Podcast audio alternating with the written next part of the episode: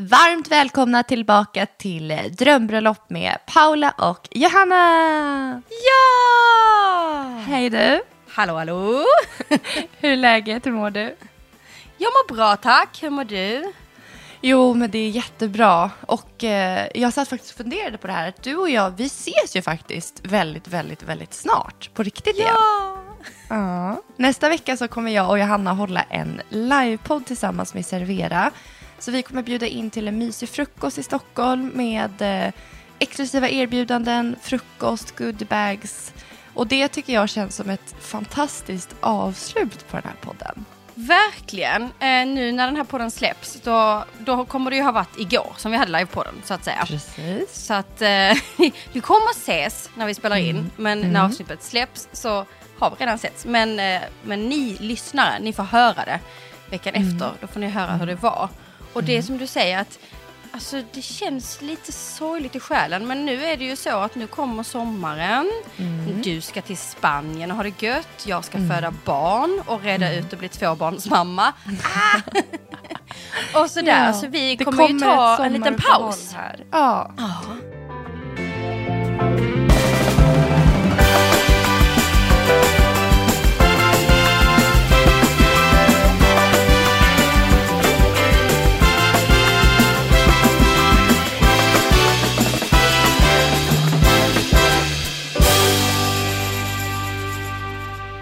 Och så det- nästa avsnitt blir liksom sista inför sommaren.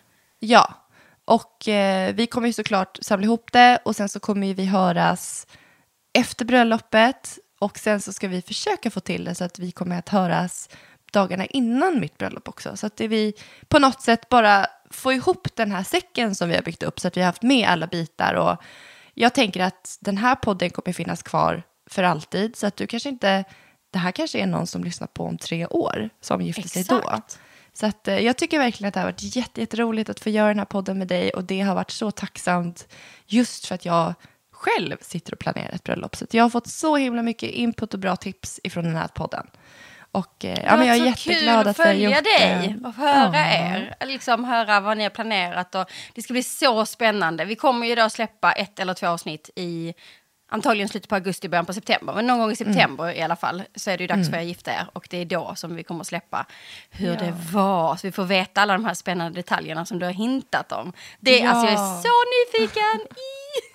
Men Och jag- annars så har det ju varit en säsongsbröllopspodd. Men alltså det har varit så kul att följa dig i denna planering. Att verkligen följa en brud live med alla dina tankar, dina frågeställningar. Liksom kom, när du hade mardrömmar mitt i alltihopa. bara, åh nej, hur ska det gå?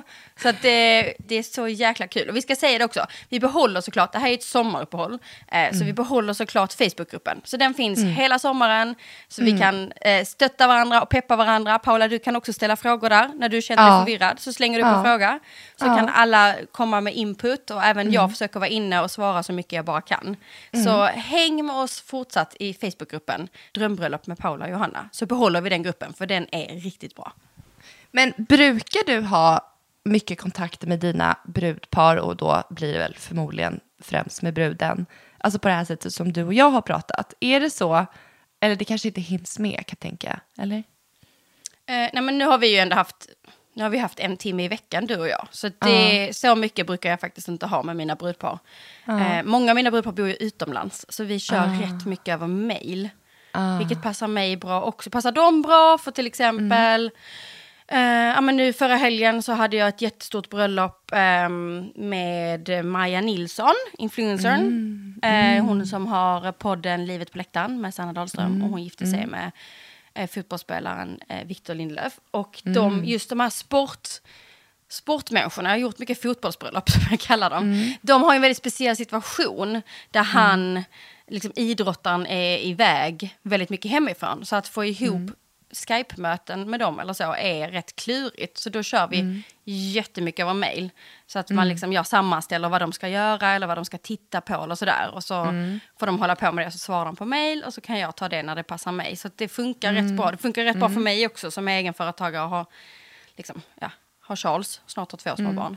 Men, och sen försöker vi då kanske köra en, ett möte i månaden istället. Och då sitter vi ner i två, tre timmar på Skype och gör så som du och jag har gjort lite. Att man går igenom ordentligt vad som i pipeline just nu och sådär liksom. Men det är just de där idrottarna, de är lite lurigare för deras scheman är helt knäppa att hålla på med och få ihop liksom. Så, eh, och tack och lov har jag, jag har ju bara gjort en hockeyspelares bröllop, en NHL-spelare, men de har det ju ännu värre för du vet de, alltså hockeyspelare i USA, de åker ju iväg så här flera veckor i sträck för att de ska till andra sidan USA och spela massa matcher typ. Alltså fotbollsspelare är ändå iväg, ofta så är de bara iväg en, max två nätter när de har bortamatcher. Liksom. Mm, ja, det är väldigt speciellt, det är helt annorlunda Ja. än om jag typ har ett brudpar som bor här i Skåne. Då är det ju Mm. liksom mycket lättare att ses och höras och sådär. Och till och med följa med ut när man träffar leverantörer och så. Men på tal om pipeline så har jag precis öppnat upp mitt brev ifrån Skatteverket där det är ett hindersprövningsintyg. Är ni Äkta- godkända? Ja, äktenskap kan ingås mellan nedstående personer. Hugo och Paula. Så vi är godkända, vi var inte halvsyskon. Perfekt. Hurra! Men vad, Grattis! vad gör jag med det här pappret nu? Det pappret är jätteviktigt Paula. Ja, då ska Det jag lägga det i pappret. viktiga låda. Ja, du, viktig, viktig, viktiga lådan. Alltså den viktigaste lådan du har. Liksom. Ja. Och eh, detta pappret, det måste ni ha med till er präst. Aha. Om inte han har fått det i handen, eller hon. Hon, ni hade kvinnlig präst väl? Eller? Eh, alltså, vi har ju önskat en tjej, men de har inte lagt sitt schema för september än. Och det var ju precis Nej, som du har pratat om. De, de kommer nog höra av sig typ en vecka innan. Ja. Ja. Vi får se. Exakt. Men om inte prästen eller vigselförrättaren, om man hade haft det, har Mm. eh, ert godkännande av hindersprövningen i handen så får de enligt lag inte lov att viga er. Men, så gud, till både dig och till alla som lyssnar, det Ja. man får tillbaka från Skatteverket är skitviktigt. Det måste vigselförrättaren eller prästen få. Och när ni har fått kontakt med prästen, vissa av dem eh, tycker att är, man kan skicka det innan istället så att man ska slippa ha den grejen av att man ska komma ihåg det här på bröllopsdagen. Liksom. Så då kan man istället skicka det till dem så har de det på sitt, sin pastorexpedition och så är det safe. Ah. För då har de sett och arkiverat det och sådär liksom. Och annars Ah, ja. så måste man ha med det på vigseldagen liksom. Eller för att man brukar ju träffa prästen två, tre veckor innan. Exakt, då kan man lämna över det. Det är det bästa. Ja, men då så, Så då lägger jag det i liksom min viktiga, viktiga, viktiga papperslåda och så ger jag det till min präst, vem det nu blir. Du ger det till din präst. Och sen kan jag Och- säga, för jag har sett i Facebookgruppen att det har snurrat mycket frågor kring det här med när man ska byta efternamn också. Hur gör man när man ska boka bröllopsresa och pass och hit och dit? För man hänger liksom inte riktigt med när det där går igenom. Och i och med att du, när du då har lämnat in ditt viktiga papper eh, till dem och sen så på er bröllopsdag så viger ner Ja.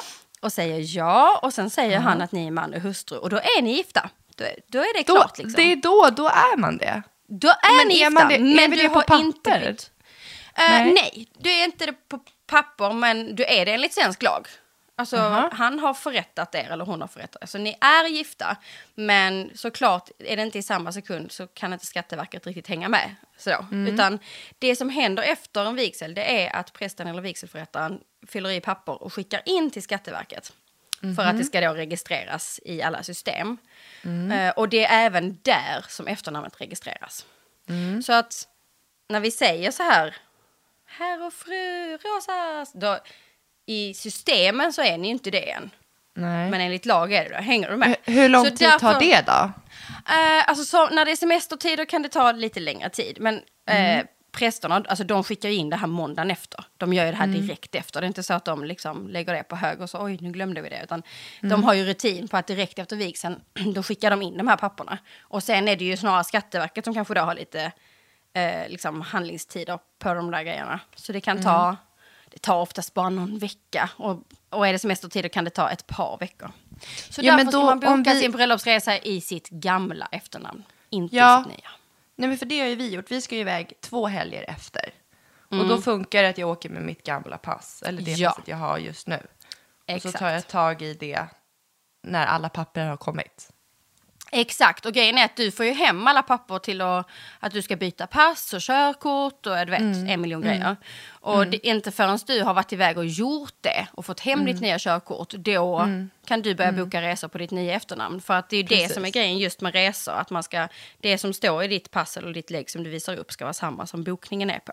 Precis. Så att eh, därför ska man, alltså åker man inom en månad efter bröllopet ska man boka i sitt gamla efternamn. Och det känns ju mm. skittråkigt. Det var en diskussion i Facebookgruppen om det. Att man bara så här, det är klart man är taggad att man så här vill boka sin bröllopsresa i sitt nya namn. Mm. Um, och det var många som var så här, men kan man inte lösa det? Vi har ju skickat in papperna innan. Och, för man fyller ju mm. i hindersprövningen, då fyller man i sitt nya efternamn. Men det går liksom inte igenom då. Nej, så jag har inte det är jätteviktigt att veta. Jag skrev Uribe mitt i min hindersprövning. Skrev du inte in det? Jo, jag skrev alltså Uribe, mitt vanliga efternamn. Ja, men där, det finns en namnbytesblankett också. Den får jag vi kolla fick... på, Paula. Jag har bara fått för hindersprövning här. Okej, okay. men du, när vi har lagt på sen så ska vi kika på namnbytesgrejen också. Det kan man skicka in efter vigseln också. Ah, ja, ja. Alltså ja, men det, så. det spelar ingen roll liksom. Men oavsett ja. så kan man inte, man kan inte byta namn innan. Så att, um, det kan vara bra att veta, för jag vet att det är många som tycker det är självklart att såklart så bokar man sin bröllopsresa i sitt nya namn. Och det mm. finns vissa som inte riktigt har kollat upp det heller. Men då har du inget pass på det namnet och då kan du inte åka. Nej. Så att, viktigt, viktigt. Ett litet tips. Bra att du tog mm. upp det här Paula, mycket bra. Mm. Mm. Och också på tal om pipeline, eh, det som jag och Michelle och Hugo håller på med i detta nu är att vi håller på att eh, förnula på dekorationer. Och dekorationer, mm. då menar jag egentligen det där lilla extra, allting som är det lilla extra som är fint och harmoni för ögonen. Och i och med att det är jag som hostar och det är det som är superaktuellt för mig så tänker jag att det här avsnittet ska handla om just det. Det lilla extra dekorer för bröllop. Smart. Riktigt ja. smart. Det är ju detta det går ut på. Det är ju ja. precis den här servicen du har, att du faktiskt får fråga vad du vill. vad kul! Och du känns ju som att du har tusen idéer själv kring det här. Men vet du vad? För en gångs skull så är jag ganska nollställd för att jag tycker att det mm. är en mhm. djungel. Och jag mm, tänker så här, ja, för att hur gör man någonting som är ganska ounikt för att alla gifter sig eller det är ganska ojunikt egentligen, för jag kan tänka det är liksom, det är samma program, det är samma sak som händer, men det blir ju ändå väldigt, väldigt unikt för att det handlar om en själv. Mm. Så jag tänkte faktiskt fråga dig, vart man egentligen, vad, vad börjar man när man ska tänka på bröllopsdekor? Då tycker jag att, man, ehm, att vi backar tillbaka till bröllopskonceptet. Mm. Som vi pratade om i något av de första avsnitten. Då tar ni fram ert bröllopskoncept, era tre värdeord, de här bilderna. Eh, ni har ju turen att Michelle har gjort det till er, men mm. alla ni mm. som lyssnar kanske har gjort ett eget.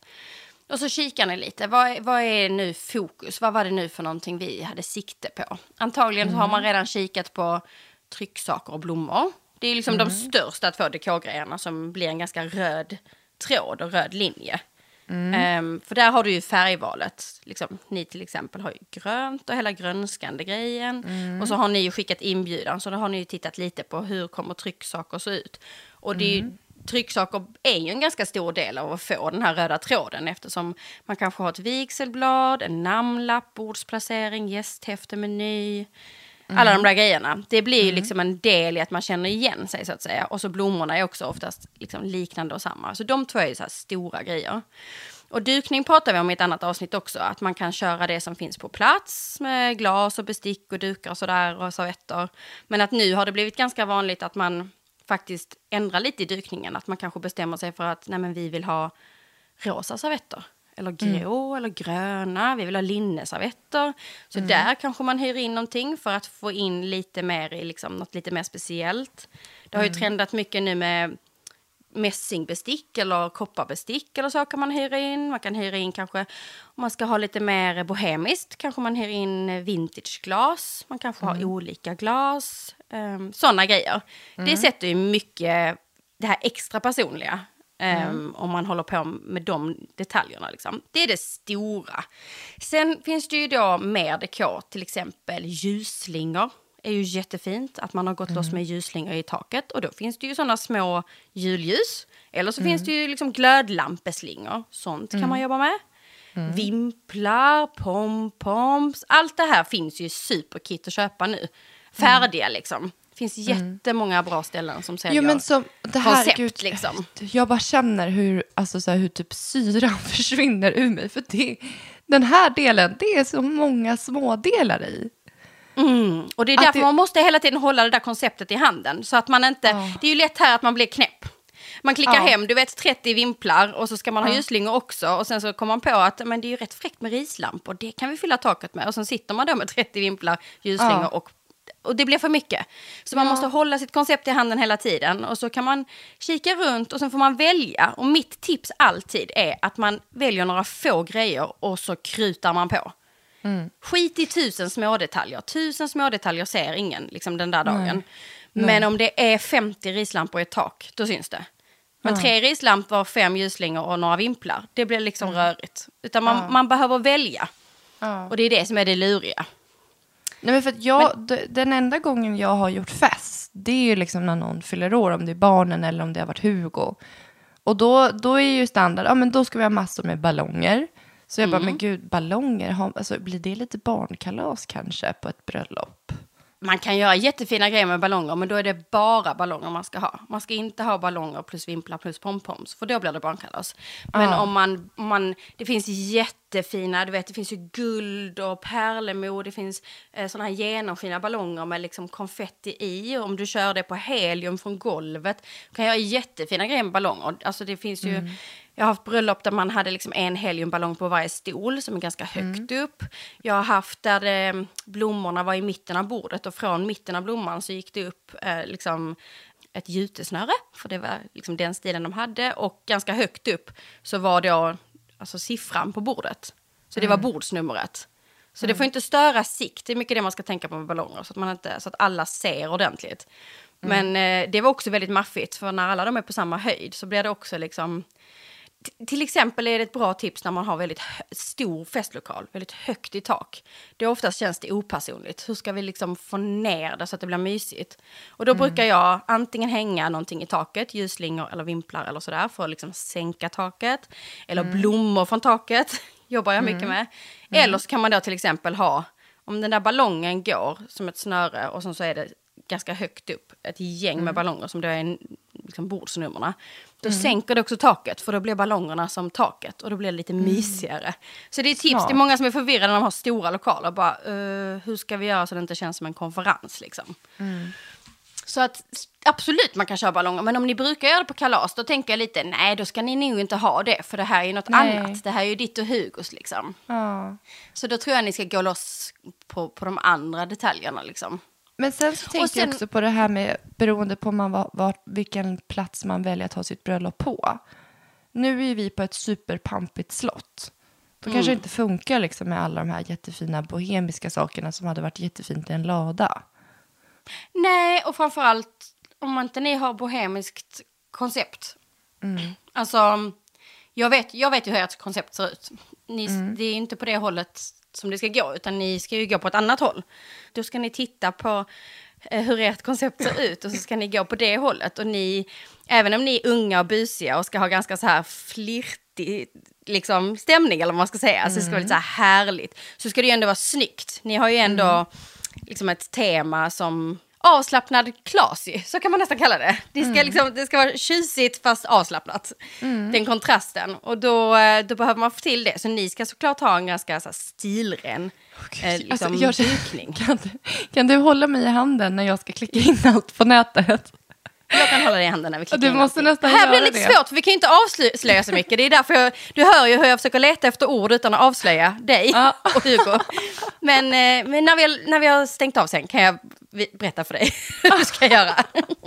Men det, men det är så man ska göra. Alltså hela tiden när man sitter och go- det är ju kul att googla. Det finns ju några sajter som har hur mycket som helst och det är skitkul. Och då kan man, det, risken är att man verkligen går loss. Man bara, åh, allt är fint, jag vill ha allt. Men då ska man ha sitt koncept utskrivet bredvid sig. Eller om man har min app, där har man ju också bröllopskonceptet i. Så man ska ha den framme bredvid. Så att man hela tiden när man klickar in någonting tittar på sitt koncept och bara så här, stämmer det här med vårt bröllop? Eller är det här bara någonting jag tyckte var fint, som du säger, som jag kan ha på nästa barnkalas istället? Eller någon annan gång på nyår? Utan, så att man inte bara frossar, utan man ska hela tiden stämma av med, är det här på vår linje? Så du ska ju akta dig för bohemiskt. För jag kan tänka men mig att du kan tycka precis. ganska mycket av det är fint, egentligen. Att Ja. det är liksom, åh vad härligt, åh vad fint. Men Ja, just men till er så ska du ju Ja. inte köpa det. Nej, jag vet. Och det är därför, men så här, för att när vi träffades sist så sa, berättade du om den här sajten My Perfect Day. Mm, min favoritsajt. Mm. Ja, så den har ju fastnat för att när jag går in och skriver dekorbröllop, en massa med olika hemsidor. Och jag blev bara ännu mer stressad för det var så himla mycket. Men så kom jag ihåg det här My Perfect Day. Och på deras hemsida så har de liksom i alla fall kategorier. Där det står bröllop och sen har de till och med förslag på teman. Och då var det eh, boa, la la la, classic, eh, golden, eh, flirty. Alltså det var Ja, det massa med kategorier. Mm, men jag tycker allt är fint. allting. Jag tycker allt Ja. är fint. Så att jag bara, Ja, nej men vi ska välja lite ha, till dig. vill jag ha, den här vill jag ha, den här. Nej men det här kommer ju bara se ut som ett barnkalas. För att jag går igång på konfetti och ballongerna.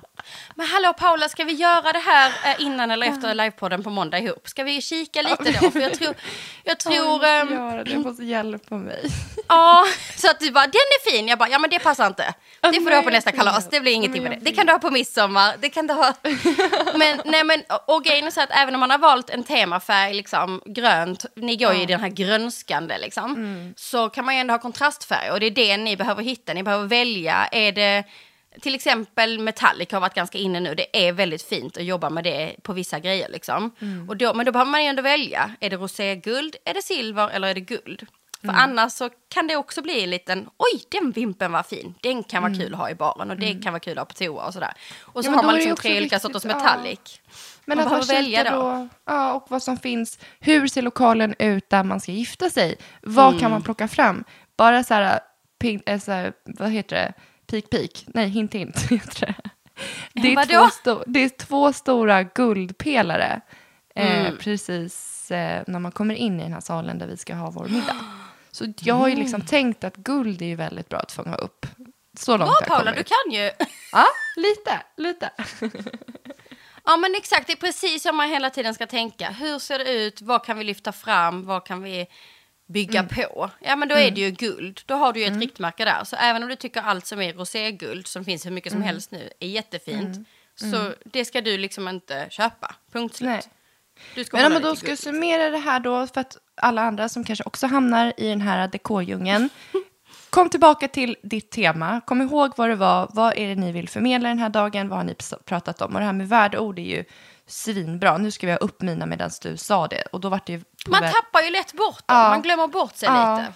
Och tycker allt är fint. tillbaka Liksom. till dem och sen försök hitta ett färgval. Ja, vi har ju då, vi vill gärna ha grönska, men som Johanna säger, det kan ju, det kan ju bli jättekul med kontrastfärger. Och hur ser platsen ut? Vad är det för färger som finns där ni ska gifta er i? Om det är en lada eller om det är ett slott eller om det är en trädgård eller vad det nu kan vara. Lek med det man har, att man bara förstärker det, tänker jag. Bygga på, bygga på.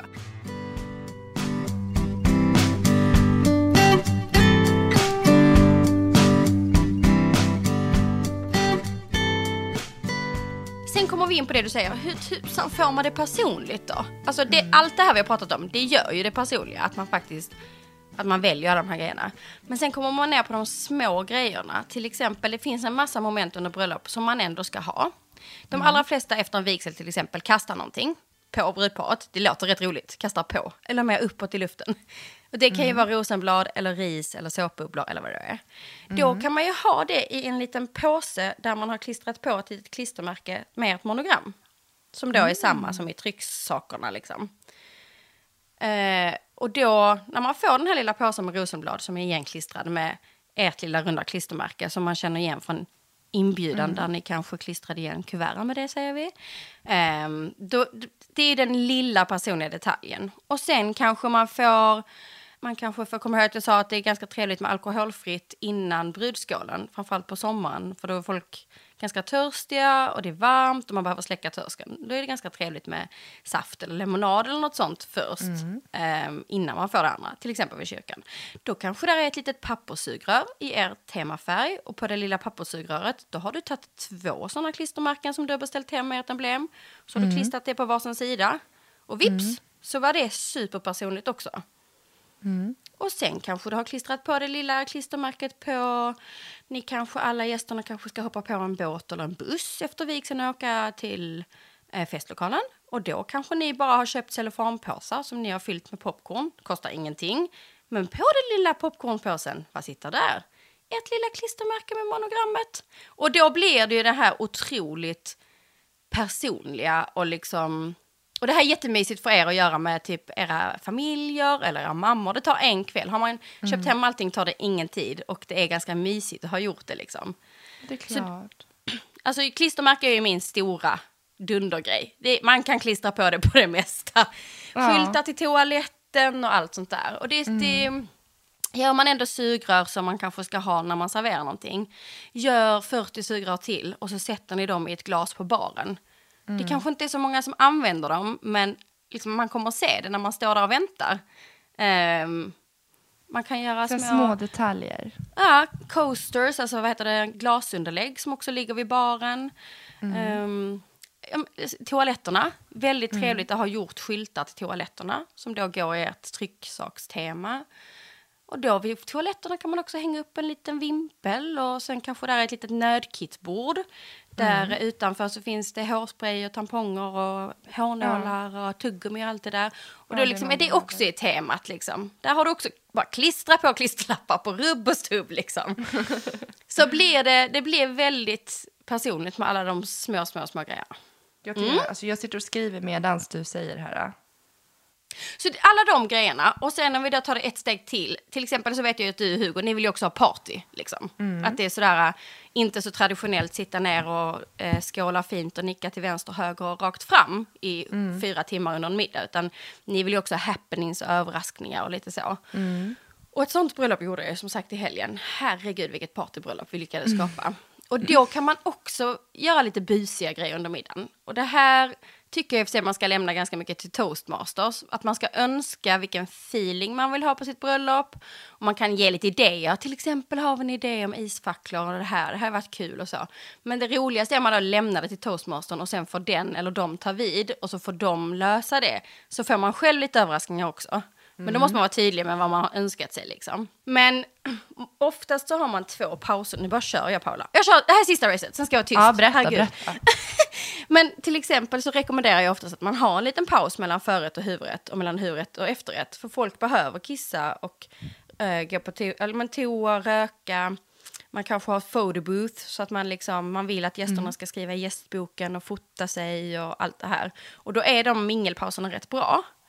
Och då eh, vill man ha partystämning så är det ju då man också har möjlighet att bygga stämning med musik. Vi har ju pratat om ljud och ljus i ett annat avsnitt. Men att man faktiskt då, när det är paus, kör på lite mer musik. Så att det nästan blir lite som man, tänk dig en förfest. Att liksom vet, folk står i lite olika hörn.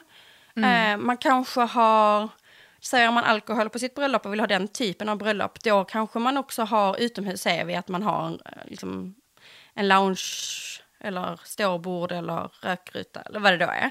Men där ute kanske man också har satt lite zinkbaljor där det står lite öl och cider och piccolobubbel som man kan ta av. Så att det blir mer som ett mingel än att det är, nu är det paus, nu lämnar vi bordet, nu går vi tillbaka och sätter oss.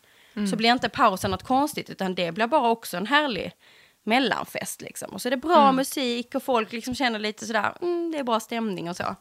Nej men till exempel när man släpper in från pausen kan man liksom göra små överraskningar. Det kanske dyker upp en trollkarl, det kanske dyker upp en musiker, det kan, någonting. Och det kan, man kan få en gäst. Fan du kan ju spela trumpet, kan inte du dra en trudelutt när vi ska gå in? Just nu är det ju väldigt många som kör isfacklor, tomtebloss och såpbubbelmaskiner och eh, glowsticks och sånt på dansgolvet. Det, det är ett supertips om man vill få till det extra, att det verkligen blir... Jag har ett klipp jag ska lägga ut i Facebookgruppen på detta. Åh herregud, det, det var mitt bröllop förra året. Herregud vad bra det var. Jag ska lägga ut ett klipp så ska ni få se vad jag menar. Ja, gör det. Så sånt kan man ju också göra. Vill man ha party kan man liksom helt plötsligt få till ett dansgolv mitt under middagen. Med den där favoritlåten och med rätt medel så helt plötsligt så står alla och dansar på stolarna liksom. Man ska våga lite. Ja, verkligen. Alltså, det är väl bara att ta i. Det här är ju bara en gång. Ja! Gud vad jag har pratat. Kan du prata lite nu? Mm. Men Herregud, jag, tycker det här, jag har bara suttit och antecknat, för det är det här jag behöver. Det är det här, det är det här jag vill också ha. Så jag har bara suttit och skrivit massa saker här nu. Jo, jag, Men jag tycker att att- det bästa tipset är att utgå från som, lite som, alltså det som ändå ingår i ett bröllop. Ni Mm. behöver ändå ha en bordskarta. Alltså folk behöver någon gång under brudskålsminglet titta på var ska jag sitta. Ja. Och då kan man ju antingen göra en, en tråkig A4 där det liksom är 14 runda bord och där alla namnen står. Så kan man göra. Så har Mm. vi gjort i hela tider. Men om man då vill göra det här lilla extra, då kan man göra någonting häftigare med det. Då kan du liksom knyta ihop det med personens favoritgodis eller med en shot eller ehm, Ja men du vet, där kan du hitta på massa grejer. Det kanske, är det då bohemiskt bröllop så kanske det är en trälåda där det ser ut som ett sånt gammalt kartotek, du vet. Alltså gammal namnbok där du ska bläddra fram ditt namn och ta upp en liten, ett litet, en liten lapp där det står ditt namn, står det Paula Ribe, så står det bordsnummer tre och så kanske där står ha en härlig kväll. Åh, gud vad trevligt.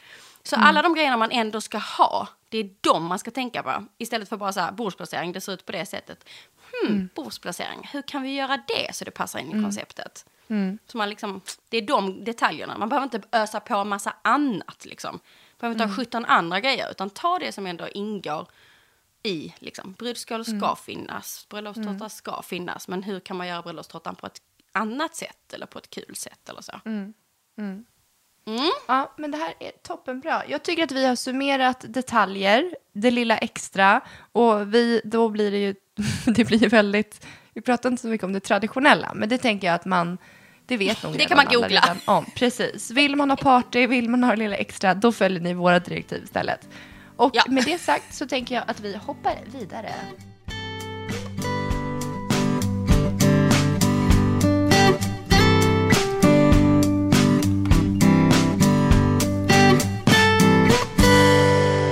Ja, vi har kommit till veckans fråga. Och eh, den här frågan kommer från Jessica och hon har skrivit den i vår Facebookgrupp. Och den handlar inte om dek- dekor. Men jag tyckte ändå att det var, det kändes, det här var, jag scrollade ner ganska mycket och det var många som hade frågat samma sak. Så here we go. Honnörsbordet. Jag och min blivande satt igår och pratade om bordsplacering. Min tanke har hela tiden varit att honnörsbordet ska bestå av oss och, oss och mina tärnor och hans marskalker. Igår när vi pratade om detta så tyckte min sambo att det var självklart att det, skulle ba- att det bara skulle vara våra föräldrar och för att det är mer klassiskt och det har varit så på alla bröllop som vi har varit på innan. I mina ögon får vi som brudpar roligare med våra vänner vid vårt bord och dessutom medför det problem med föräldrar vid bordet och mina föräldrar är skilda och hans pappa gick dessutom dessvärre bort för några månader sedan. Vad har ni för kloka tankar kring detta? Hur borde man göra? Ja, det här är ju en jättevanlig fråga. Och ehm, idag också, eh, många har ju skilda föräldrar. Någon har träffat någon ny. Man kanske inte, någon förälder kanske har gått bort. Det är rätt känsligt när man tar det traditionella honnörsbordet. Som alltså då, man kan, jag kan ändå säga det, även om man kan googla det. Alltså då är det brudpar och sen närmast brudparet sitter brudens föräldrar. Så bruden har sin, papp, sin egen pappa till bordet och brudgummen har sin frus mamma till bordet. Och utanför dem så sitter då brudgummens föräldrar. Och sen fyller man på med gamlingar och sådär. Och är det så då att det är lite känsligt, man kanske, en, någon förälder har gått bort eller man kanske inte har kontakt med en förälder av olika anledningar. Jag har gjort mycket bröllop där det har varit mycket sånt liksom. ehm, vi har inte hörts på sju år eller ens pappa, ehm, det har varit något tufft, det kan finnas du vet, alkoholism. Det finns ju massa, massa, massa grejer som gör att det blir så tydligt vid ett traditionellt honnörsbord att eh, det skaver liksom. Och det känner man som brudpar att nej, det här, det, det känns liksom inte bra, det känns trixigt. Vissa har också sådär, min, båda kanske har träffat en ny, men man har inte riktigt, man kanske inte är någon fan av pappas nya Nej. fru sen tre år tillbaka, för de träffades när man var vuxen och man känner inte, eller så du vet liksom, ska hon sitta på honnören? Nej, det- behöver hon inte göra. Liksom, men pappa blir ledsen om hon inte får det. Du vet, det kan vara jädra struligt där. Och då ska man fasiken göra så som känns bäst för en själv. Alltså, mammor och pappor som lägger sig i och tycker till om minsann och dag och den blir sårad och den blir ledsen. De är bara tack och hej, varsågod och backa, det här är vårt bröllop. Det är jättetråkigt att hon blir ledsen, men jag blir mer ledsen om inte jag får göra som jag vill. Så det måste gå först liksom. Och då är oftast lösningen att man skiter i det traditionella honnörsbordet. För då är det lite lättare att komma undan med att ingen blir ledsen. Om man vill göra på sitt eget sätt, men det, det, det blir lite struligt liksom. Ja, men säg att båda ens föräldrar har träffat någon ny och man älskar sin pappas nya fru, men mammas nya kille eh, kommer man inte alls överens om. Så ens pappas nya fru kanske man har haft med i hela sin uppväxt. Hon är som en extra mamma. Alltså, jag vill ha både min mamma och hon, henne på honören. Det, det liksom, de betyder så mycket båda två. Men Men, men hennes nya kille, mammas nya kille, alltså klarar inte av honom, vill absolut inte ha honom nära mig, vill inte ha honom på honnören. Ja. Det är ju klart att jag tycker att man får lov att göra så, men det är klart att det blir ju rätt tydligt och då är det ju lättare att bara kasta den gamla honnören och skita i det och göra en annan lösning. Och då är antingen lösningen som hon tänker, sitta med tärnor och skälkar. Det har börjat bli ganska vanligt. Brudparet får ganska kul, det är rätt så mycket party. Och man kan liksom göra som en liten andra honnör istället då. Om man gör ett honnörsbord med, med tärnor och marskalkar, då kan man ändå sätta liksom föräldrar nära. Säg att man har runda bord, då kanske det är fyra bord som är närmst honnören. Då kan man ju dela upp föräldrarna så att de sitter på de borden, så blir det lite sådär som att de hostar varsitt bord nästan. Alltså man kan hitta på så mycket grejer här. Eh, eller om alla föräldrar trivs ihop men man vill absolut inte sitta med dem ändå. Då kan man ju sätta dem ihop. Då har de ju som ett eget bord. Kanske alla föräldrarna och ehm, eh, nej men, någon moster och lite sådär. Liksom. Då kan det vara som ett andra honnörsbord som är närmst. Liksom. Och sen något nytt som har kommit nu, det är kallas Sweetheart Table. Det hade vi på Kinsa och Alex bröllop till exempel. Då har man Vad är ett, det? Det är ett litet bord där bara brudparet sitter. Aha. Vi är inte jättevana vid det här i Sverige, men det har börjat komma mer och mer. Så att då är, har brud och brudgum ett eget bord. Och det är Aha. oftast jättefint dekorerat. Så då, då är det som en minihonnör, liksom, där de två sitter. Och då brukar vi ha en bänk framför. Det tycker jag i och för sig på alla honnörsbord, att man ska ha en bänk framför så alla gäster kan gå fram och sätta sig och snacka med brudparet. Och fördelen med det är att då hinner du helt plötsligt umgås med alla dina gäster. För att Smart. Hela tiden när det inte är tal så kan vem som helst gå fram och sätta sig och snacka. Så då får du ju liksom umgås med fler hela tiden. Så även om du har traditionellt honnörsbord eh, där du sitter med dina föräldrar alltihopa tycker jag ändå man ska ha en bänk framför. Så att alla kan komma fram och prata med en. Det är Det var jättesmart.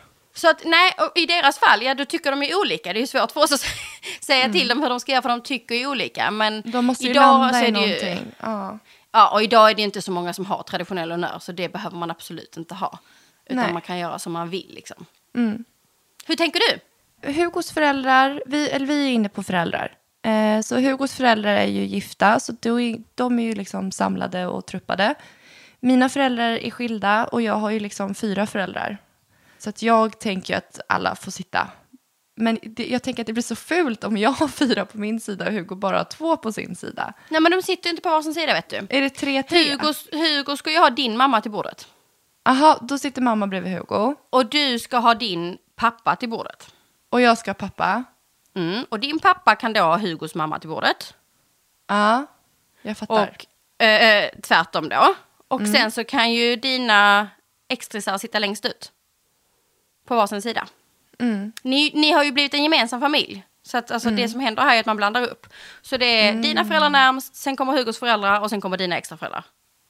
Gud vad tråkigt för alla. Alltså, ja, men jag tänker bara att det är så, alltså, vi tjejer, varför ska det ta- taskigt att inte hans mamma och pappa får sitta närmst? Man kan ju skita i traditionen också Paula, det går jättebra. Man får alltid kasta det här i stöpet. Men, ehm, men det är ju, alltså, den gamla traditionen är ju att bröllopet är ju, det var ju också för att brudens föräldrar betalade såklart. Ja. Det var en stor del i varför de satt närmst. Mm. Men det är ju också, du går ju in med din pappa. Så det Ja, är ju ja, ja. liksom, ehm, därför så är det liksom något speciellt med att man ändå har sin pappa till bordet. Men Jag å andra kanske- sidan, ja. Hugo kanske vill ha sin mamma till bordet. Ja, nej men Mycket möjligt. jag, jag tror han är nog, han är, han, jag tror inte ens att han kommer bry sig. Han blir nu det gladare ser- för den där bänken som ska stå framför er, där alla andra kan komma fram och umgås med er. Ja, verkligen. Nej, men gud, jag, jag, börjar in, jag kanske är lite traditionell av mig ändå. Det låter, jag tycker det har låtit så under alla avsnitt, att oftast Ja. trillar du lite ändå, med de här grundgrejerna, så trillar du Ja. lite åt det traditionella. Ja, kanske har lite Men det är i något mig. mysigt med det. Ja, man Det värderar är ju inte ändå. så ofta man gör såna här eh, Nej. saker som har såna här traditioner i sig. Liksom. Nej. Jag måste faktiskt, får jag läsa upp ett sms som jag fick av Hugo i morse när Ja. jag vaknade? Då blev jag så glad.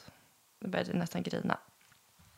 Jag älskar dig, ser fram emot september, då är du min för alltid. Åh.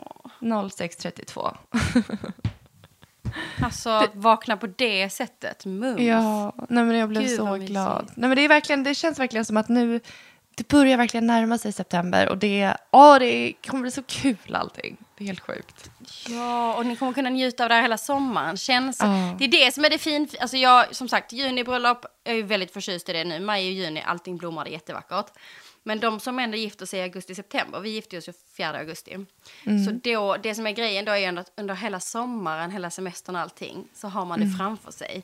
Så Ja. man är liksom extra kär den där sommaren och man är liksom Ja. extra pirrig och man kan prata om det och man kan sitta och pyssla och vika och allt det där. Ja. Liksom inför, det är något, Ja. något mysigt med det ändå. Men du, jag tänkte att vi skulle avsluta med fem snabba frågor. Vad äter du helst? Pasta eller pizza? Oj, oj, oj, oj, oj vad svårt. Oj. Du måste välja. Det är pasta för hela livet eller pizza hela livet. Alltså, jag säger nog spontant pasta då. Ja, det hade jag också gjort. Fast pass, alltså jag älskar pizza. Det är, det är helt... Jag älskar också pizza Amazing. och eh, Charles, ät, Charles är ju ganska matkräsen, det är inte så mycket han äter, men han gillar pizza så det är så underbart att äta pizza med honom. Så just nu kanske jag hade sagt, om jag skulle tänka efter, utefter hur livet är nu, så hade jag sagt pizza för att då hade jag, för det är så sällan jag får se honom njuta av mat. Det händer så, så, så, så sällan. Och därför så tycker jag ännu mer om pizza nu för att det är att det liksom en av de få gångerna som det är en härlig matstund där det liksom faktiskt njuter.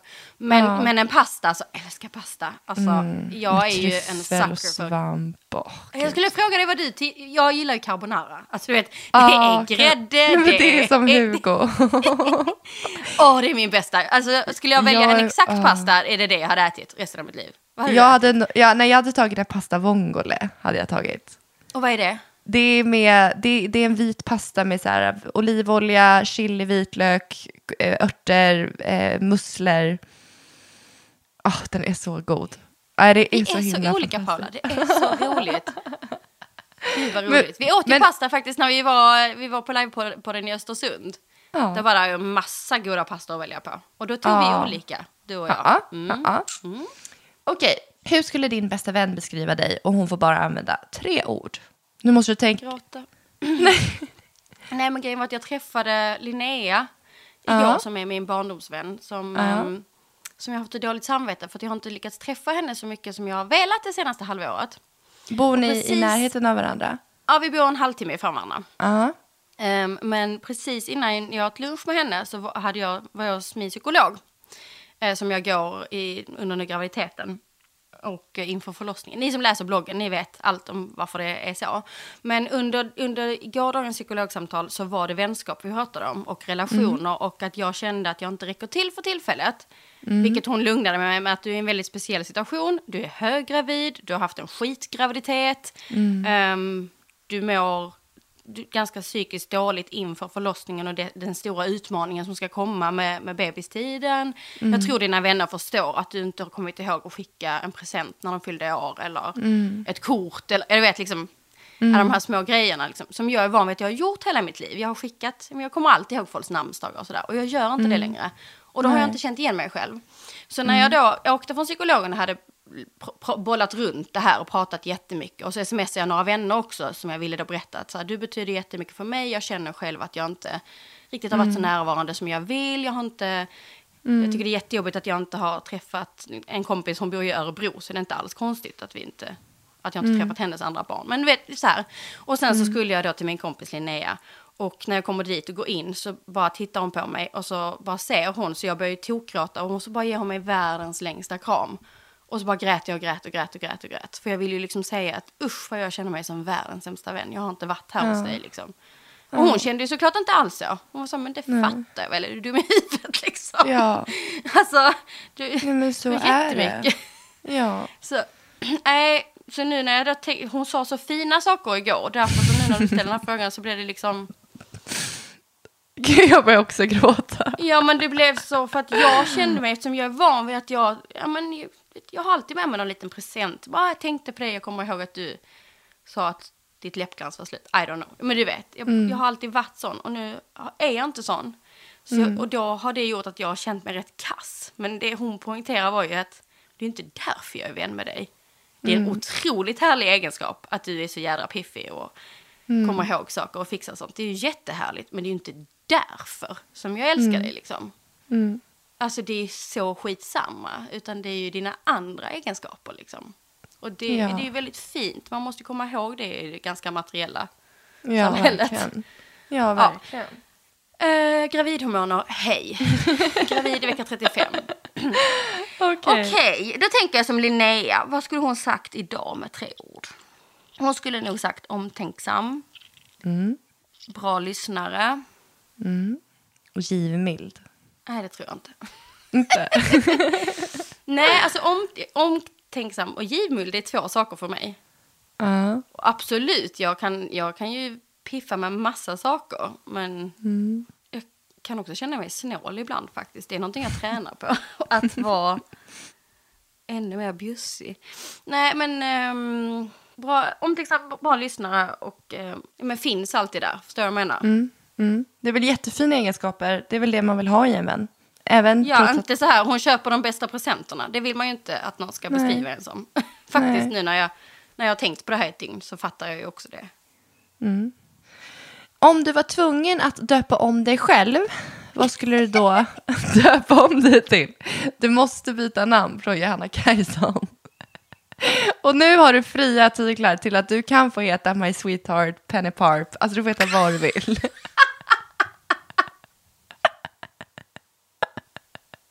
Okej.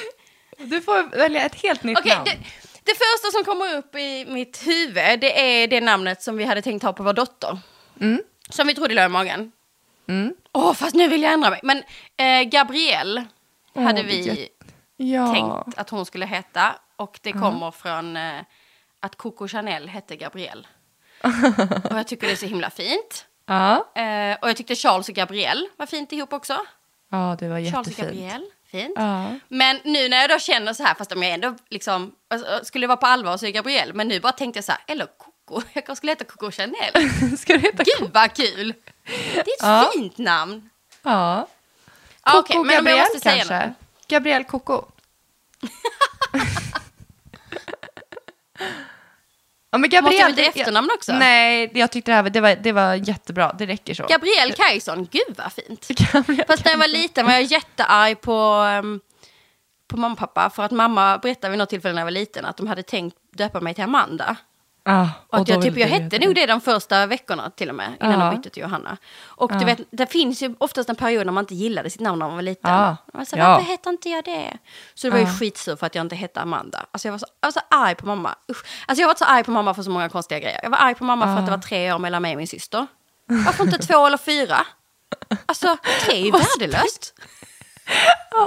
Gud, vad Många konstiga grejer. Så Amanda ville jag heta väldigt länge. Så när jag fick en kanin så döpte jag henne till Amanda. Nej, men såklart. Jag var jättearg Okej. på mina föräldrar också för mitt namn. Okej, vad ville du heta då? Och jag ville heta Cassandra eller Daisy. Jag ville verkligen det. Okej, så om du hade fått byta nu, är det fortfarande de som ligger varmt om hjärtat då? Nej, nej, nej. nej, Nej. nej. Vad hade du hetat nu då? Åh gud. eh, Det har jag inte tänkt på.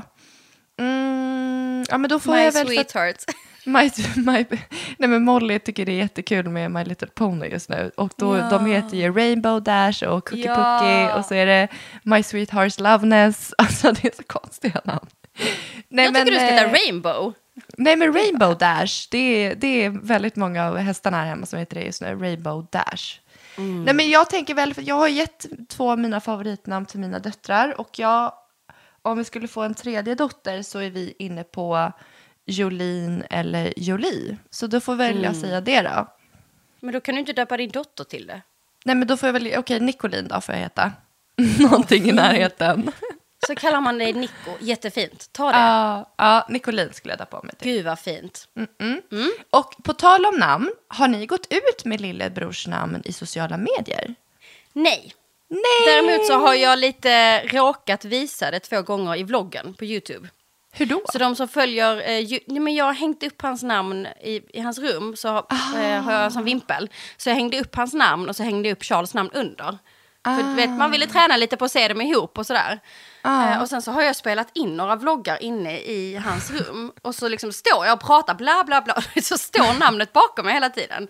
Så jag har sagt det, jag bara oj, nu har jag, ojsan, nu har jag råkat visa namnet här bak. Ja, ja, okej. Ni som följer YouTube, ni, då, då vet ni. Men jag har inte bloggat det än liksom. Ah, Ehm, åh, utan jag kallar honom fortfarande Mr. Bebe eller Lillebror. Men jag kan Ja. inte tänka mig att det blir något annat namn än detta namnet. För att det Nej. har funnits med oss sedan Charles. Vi tänkte att Charles skulle heta det andra namn.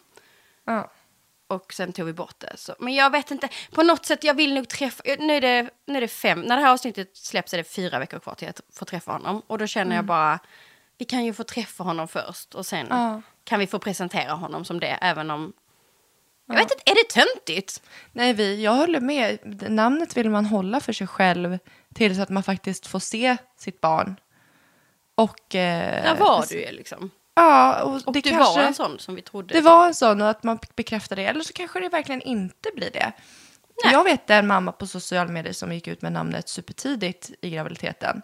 Så hette hon det i typ två veckor. Men sen så kändes inte det bra. Så den tredje veckan bytte de namn totalt.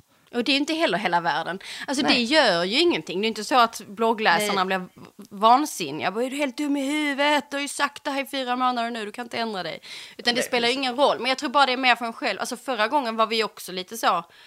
Vi ville träffa Charles först och se och känna lite på det liksom. Innan Ja. man ändå berättade. Men alla var, alltså Charles kallar ju honom det. Eh, och alla, vi berätt, alltså alla familjer och vänner, alla andra vet ju namnet liksom. Ja, Eh, ja, vi precis. kallar honom faktiskt vid det nu också. Så att, eh, så, men som nu så blev vi, min mage eller livmoder har inte riktigt växt så att de vill ta in oss på tillväxt eh, ultraljud för att kolla så att han växer som han ska och sådär. Men då kallar vi honom det.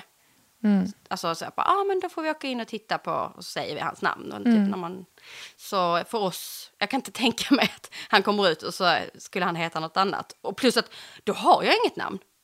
Alltså jag har inga killnamn. Jag har inga andra. Charlie är fint. Man kan ju inte ha Charles och Charlie. Ja, nej, det går ju inte. Alltid Ja. när, när jag tänker på killnamn så är det alltid Charlie. Jag älskar Charlie. Ja, det är fint faktiskt. Mio. Ja, nej, vi håller på det lite till då. Men eh, jag får väl presentera honom i höst när vi släpper den Ja. podden helt enkelt. Ja, det är klart. Gud vad mysigt. Men du, det var allt för mig och eh, vi ses efter helgen. Ja, vi ses efter helgen och alla lyssnare, Va? vi hörs i eh, livepodden som släpps nästa vecka.